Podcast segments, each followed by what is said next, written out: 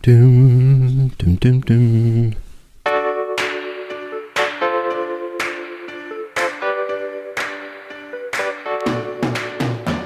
Het is zo'n ongrijpbare wereld voor een hoop mensen. En ze hebben er een verkeerd beeld van, want mensen verwachten echt dat je met kaarsjes en een naakte vrouw non-stop in je atelier bent. Een heel romantisch beeld. Ja, het is eigenlijk super eenzaam, weet je wel. Je bent alleen in je atelier en zo romantisch is het helemaal niet. Ik zeg, ik ben Robin, ik maak audioverhalen. Ik, eh, ik ben René en ik maak podcast. En eh, jij? Eh, schilderen en ja, ook ruimtelijke installaties maken. Ik vind het wel lastig als mensen me vragen wat, eh, wat ik doe. Dan, ja, kunstenaar zeggen is, is zo, zo cliché. Zeker. Ik ben eh, Boris Zuidhout. Ik zeg vaak, eh, ik ben fotograaf eh, en werk daarnaast eh, om mijn geld te verdienen als camerassistent. Wij zijn René en Robin van Nieuw Geluid en wij maken podcast en audioverhalen. Dat vinden we te gek en dat willen we dan ook zo lang mogelijk blijven doen. Wij willen kunstenaar blijven. Maar hoe doen we dat? Dit is Hoe ik kunstenaar blijf. Een podcast over hoe je door kunt gaan met de dingen die je het liefst doet.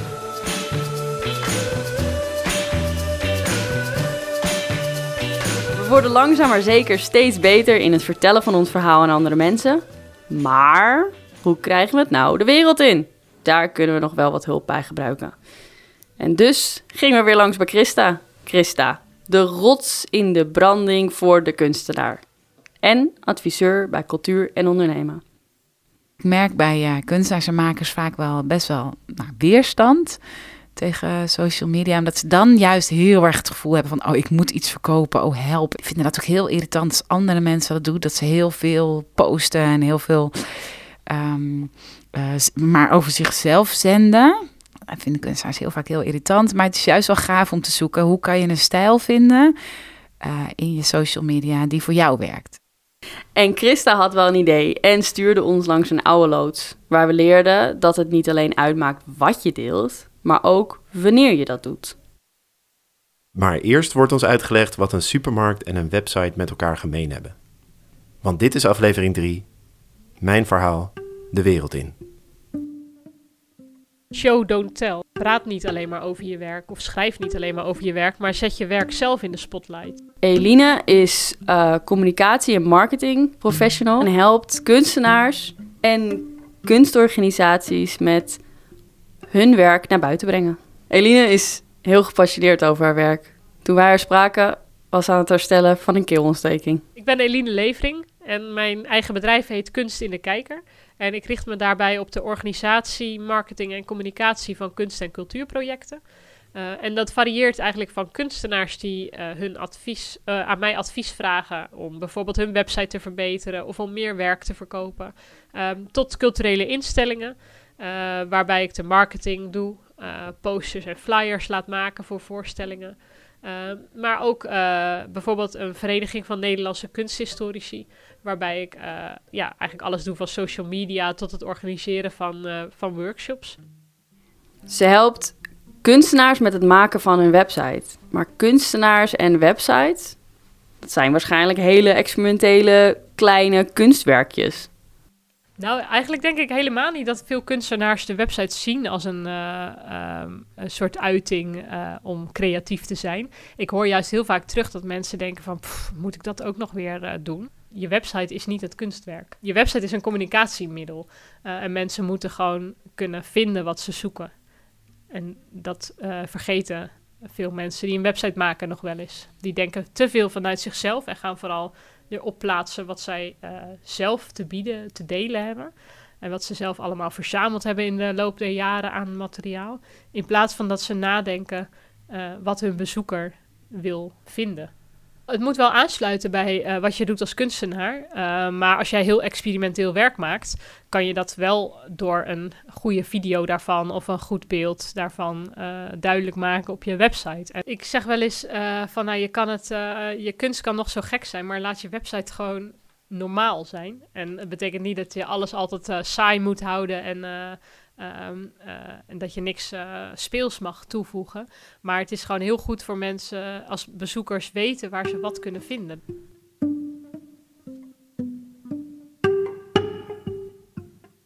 en dan kan je het vergelijken met nou, bijvoorbeeld een, een, winkel.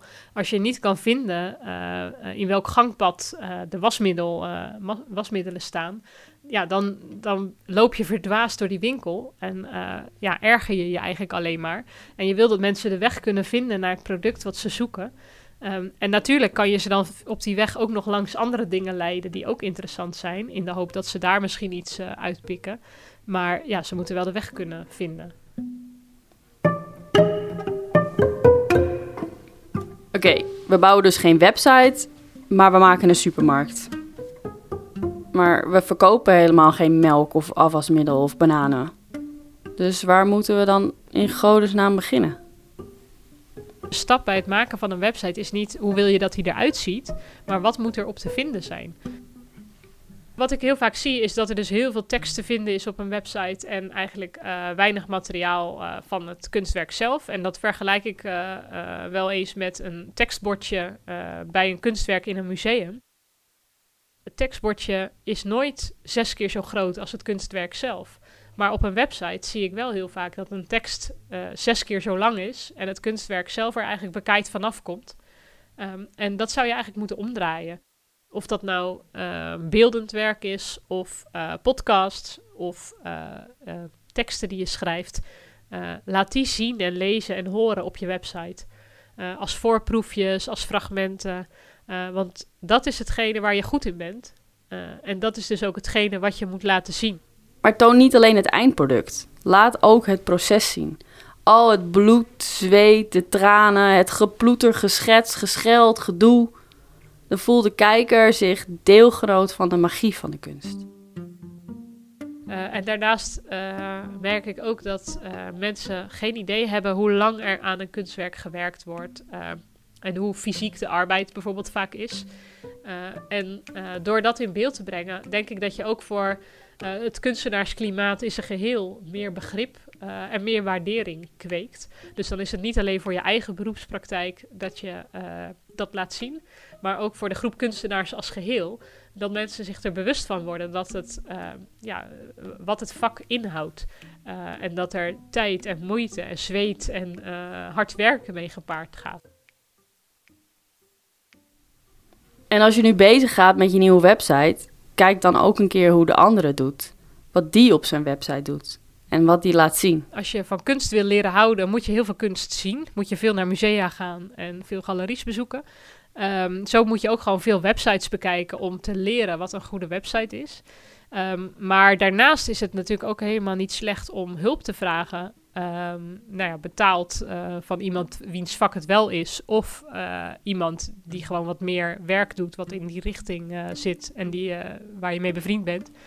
om eens na te denken, wat zou jij zoeken op deze website? En waar zou je het logisch vinden dat ik dat terug laat komen?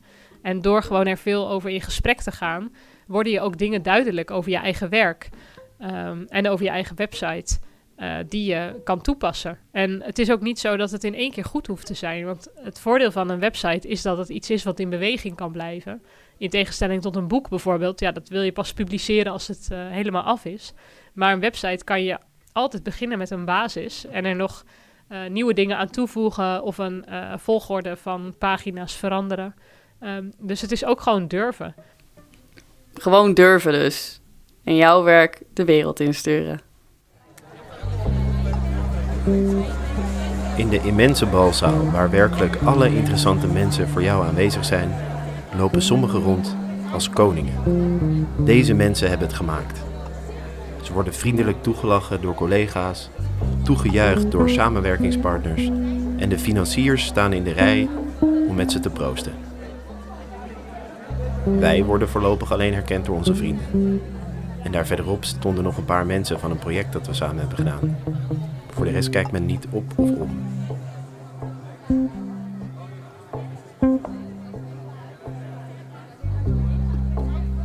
Maar sommige van onze collega's zijn echt net binnengekomen en worden toch al door de halve zaal herkend. En niet alleen oppervlakkig. Men, men kent hun werk, en gaat meteen direct diepe, interessante gesprekken met ze erover aan. Over hoe ze het aan kunnen kopen, hoe het in elkaar zit. Hoe krijgen ze dit voor elkaar, joh?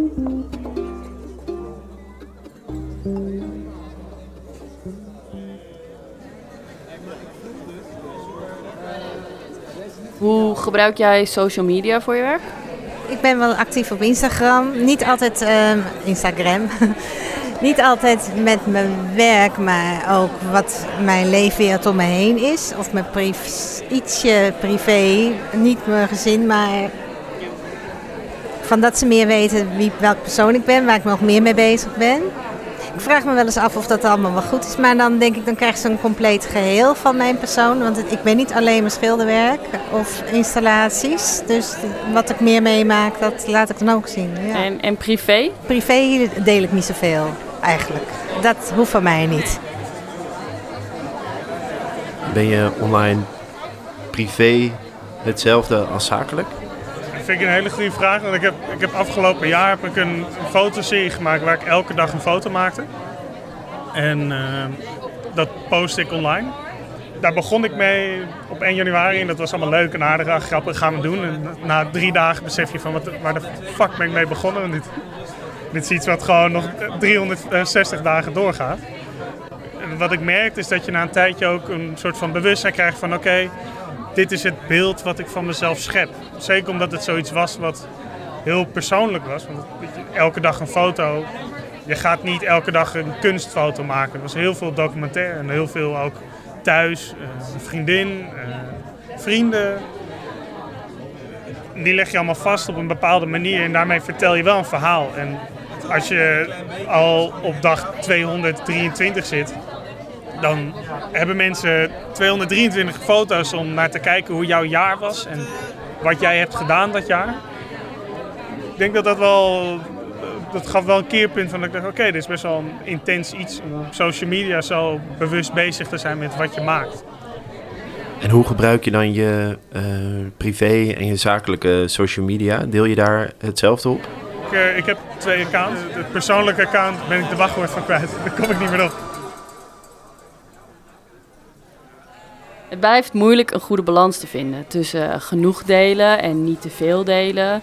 De persoon achter je werk laten zien en werk en privé gescheiden houden. Om het internet voor je te laten werken en er toch niet in te verdrinken. Op zoek naar iemand die dit wel lukt, stappen we de balzaal uit. De echte wereld in.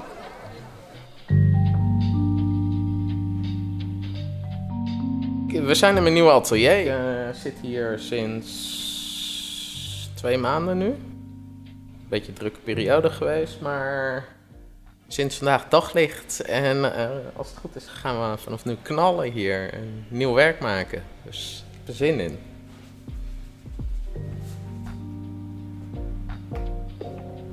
Nou, ik ben eh, Roy Valk, a.k.a. Karski. Roy maakt muurschilderingen en hij werkt dus heel vaak op locatie. Logisch ook, als je bedenkt dat hij eh, uit de graffiti-wereld komt. Op straat voelt hij zich thuis. Staat hij midden in de wereld. Dan kan je je niet in je bubbel verschuilen, zegt hij. Nee, je krijgt ongevraagd commentaar op wat je aan het doen bent. Maar je kunt niet zomaar uit het niets beginnen met metershoge muurschilderingen. Die worden uitgedacht en uitgeschetst. En daarom heeft Roy ook een atelier. Als wij langskomen is hij net verhuisd naar zijn nieuwe atelier. Een hele grote loods waar vroeger schepen werden gebouwd. En dat deelt hij met andere kunstenaars en creatieve bedrijfjes. Onder zijn werkplek staat een grote dubbeldekker en een paar waterskis. En aan de overkant is iemand bezig met een kettingzaag. Ook hier komt de wereld binnen, zonder dat je hem zelf hoeft op te zoeken. En die buitenwereld, hoe stelt hij zich daaraan voor? Wat zegt hij eigenlijk als hij op een feestje is? Wat ik zeg op feestjes. Oh, meestal laat ik het achterwege eh, wat ik doe. Want anders gaat het gelijk over jou. Dat eh, ja, vind ik niet zo belangrijk. Maar als hij toch iets moet zeggen, Nou ja, dan ben ik kunstenaar. Ik, eh, ik stel me niet voor als graffiti-artiest. Dat is wel waar ik vandaan kom, maar is niet wat ik uitoefen op dit moment. Dus ja, dan ben ik gewoon kunstenaar. En ondernemer. Dan krijg je 9 van de 10 keer de vraag van... Oh, maar wat maak je dan? En nou, dan leg je uit, ik maak grote muurschilderingen. En dan van, ja, je valt altijd van de een in de andere vraag. Voornamelijk van, maar hoe zie je het dan als je er zo dichtop staat? En ja, alle standaard vragen die komen, komen voorbij. Al ben je dan ook in tunnels begonnen en op de metro. Het standaard riedeltje. 9 van de 10 keer. Dus daarom dat ik het ook vaak niet zeg. Want je moet toch altijd hetzelfde weer vertellen. Omdat hij uit de graffiti scene komt, werkt Roy onder meerdere namen. Hij heeft zijn eigen naam, de naam van zijn bedrijf en zijn pseudoniem, Karski. Dat is soms nog wel ingewikkeld, zeker online. Ik geloof op Facebook Roy, Roy, Roy Karski Valk of zo. Maar is meer dat als mensen Karski intoetsen, dat ze me kunnen vinden. Ja, je moet gewoon gevonden kunnen worden. Zelfs mijn zoontje noemt me af en toe Karski. Roy of Karski of Royski werkt tegenwoordig veel samen met kunstenaar Beyond. Samen maken ze kleurrijke werken van abstracte vormen. Deze vormen komen niet uit het niets. Ik mix acryl met eh, mediums en chemicaliën. Door de chemicaliën ontstaan de processen die je zelf niet in de hand hebt. Op het moment dat de wrijving ontstaat, verandert de acryl van kleur. Daar maak ik uh, kleine, kleine canvasjes van en die fotografeer ik. Dat blazen we op, bewerken we digitaal en dat schilderen we heel groot. En als hij zegt heel groot, dan bedoelt hij ook heel groot. We hebben er net afgelopen weekend één van 21 meter hoog gedaan. Chemische reacties omzetten naar metershoge muurschilderingen. Hoe ontstaat zo'n proces eigenlijk? Ik was aan het experimenteren. Ik was eigenlijk met, met meer vloeibare uh, dingen bezig. En ik gooide het een en ander door elkaar. En toen ontdekte ik inderdaad iets. En toen dacht ik, nou, nou, dit, is, dit is tof. Eigenlijk niks mee gedaan. Toen kregen wij vorig jaar een klus voor Awakenings Festival. En ehm, die hadden wel specifiek vragen van... kunnen jullie iets doen met muziek? Uh, schetsen ingeleverd, die werden afgeschoten. Nieuwe schetsen gemaakt, die werden ook weer afgeschoten. Toen zijn we met hem om de tafel gaan zitten. Hebben we aan de hand van dat gesprek hebben we een fotoshoot gedaan. En uh, weer nieuwe schetsen ingeleverd. En die werden weer afgeschoten. En toen was ik er klaar mee. Toen zei ik: Oké, ik zeg, we hebben nu twee opties. Of ik doe niks. Of ik maak iets, maar jullie krijgen niks te zien vooraf. Ik zeg maar, het wordt abstract. Dat is het enige wat ik aan wil geven. Nou, en daar gingen ze mee akkoord. En toen hebben we voor het eerst die paintstrokes in het groot uitgewerkt. En toen gingen er zoveel deuren voor ons open. Dan, ja, die reactie was zo positief. Oké, dit is goed. En het mooie is, dat vergeet je soms zelf... Ehm, dat er bevestigd werd dat je als kunstenaar gewoon heel dicht bij jezelf moet blijven. Roy vindt het belangrijk om dicht bij zichzelf te blijven en bij zijn eigen kunstenaarschap. Maar ook ondernemerschap vindt hij heel belangrijk en een logisch onderdeel van het kunstenaar zijn. Ik heb hiervoor een reclamebureau gehad met tien man personeel en nou ja, dat ging gewoon over grote bedragen. En um, ik heb eigenlijk van jongs af aan al dat ondernemen in me gehad. Ik geloof dat ik 12 jaar was, dat ik mijn eerste opdracht deed en ontdekte van hé, hey, ik kan ook met die spuitbus geld verdienen in plaats van alleen maar de stad vol kalken. En um, ik ben ook echt een voorstander van dat, dat artiesten, zeker in Nederland, gewoon geld moeten durven te vragen. We leven in zo'n rijk land. Maar de prijzen zijn zo laag hier, is echt niet normaal. Als ik dat vergelijk bijvoorbeeld met Duitsland of Amerika, nou ja, zo Zwitserland, uh, Noorwegen, Zweden.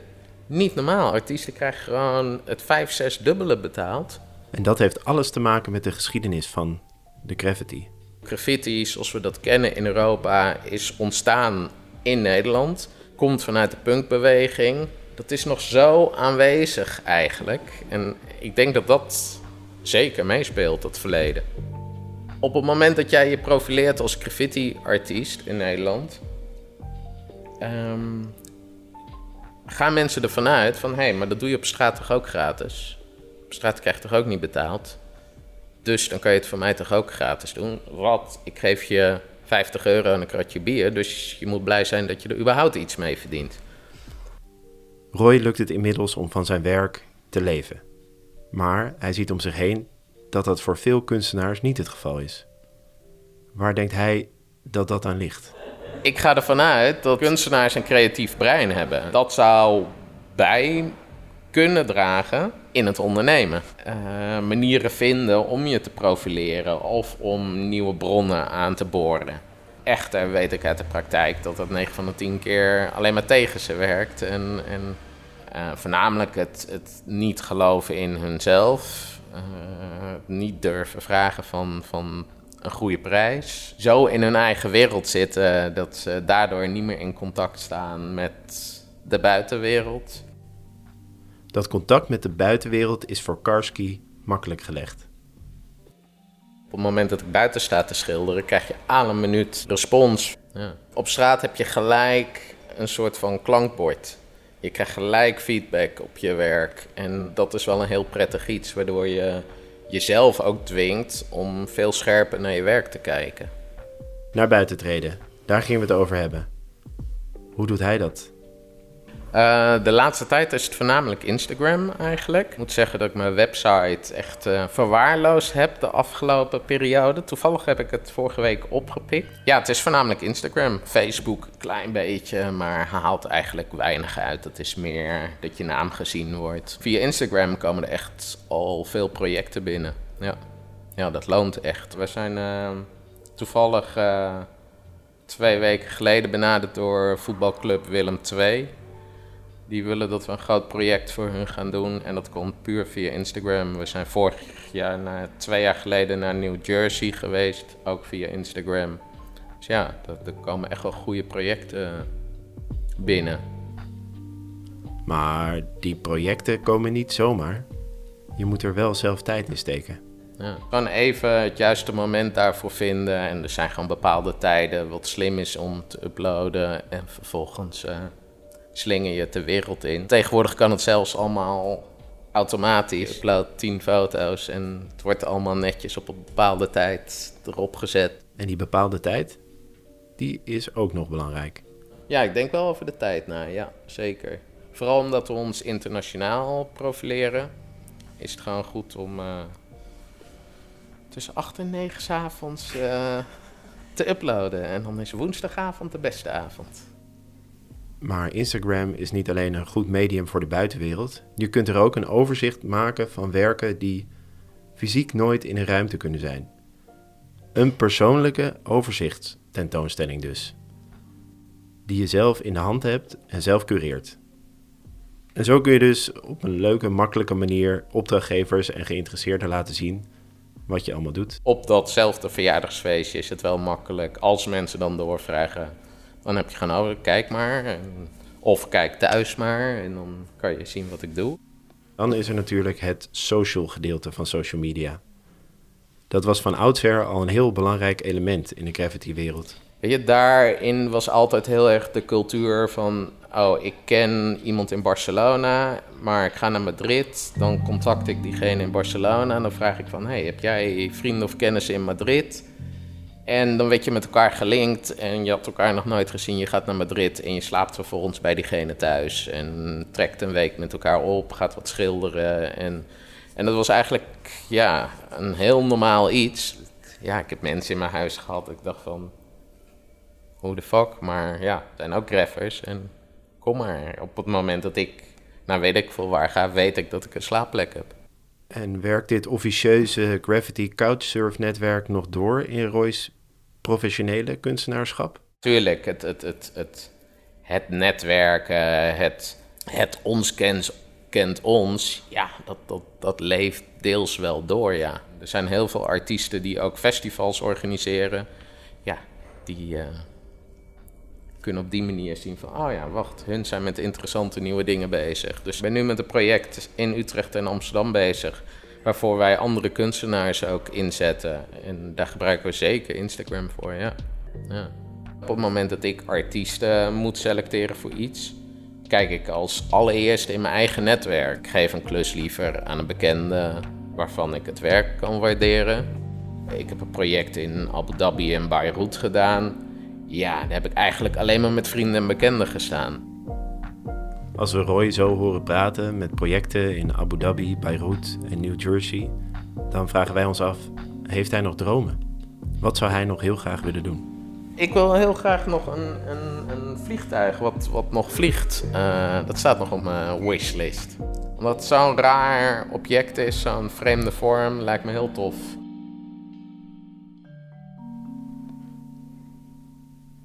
Oké.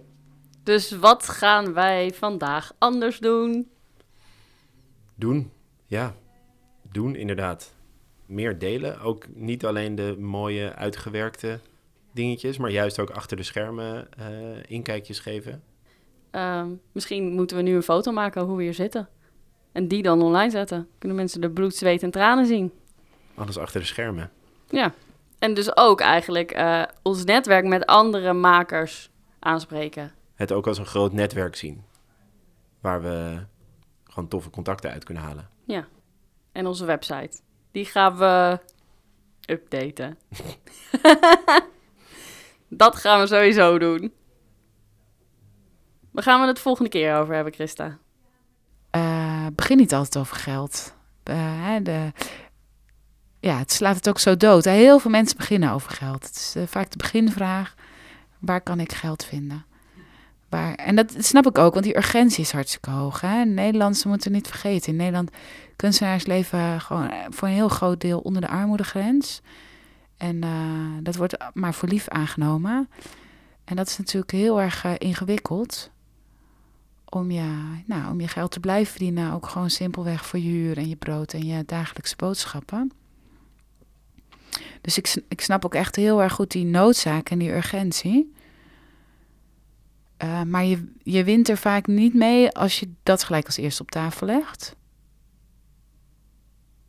Ja, maar wel te praten over hè, wat je graag maakt en eh, wat, wat je voor waarde je daarmee toevoegt. Om te kijken of daar verbinding in te vinden is. Juist. En daar gaan we het dus volgende keer over hebben. Dit was een podcast van Cultuur en Ondernemen, gemaakt door Nieuw Geluid, Robin van Gelder en René Kapitein. Met speciale dank aan Christa Heijster en natuurlijk Eline Levering en Karski of Roy.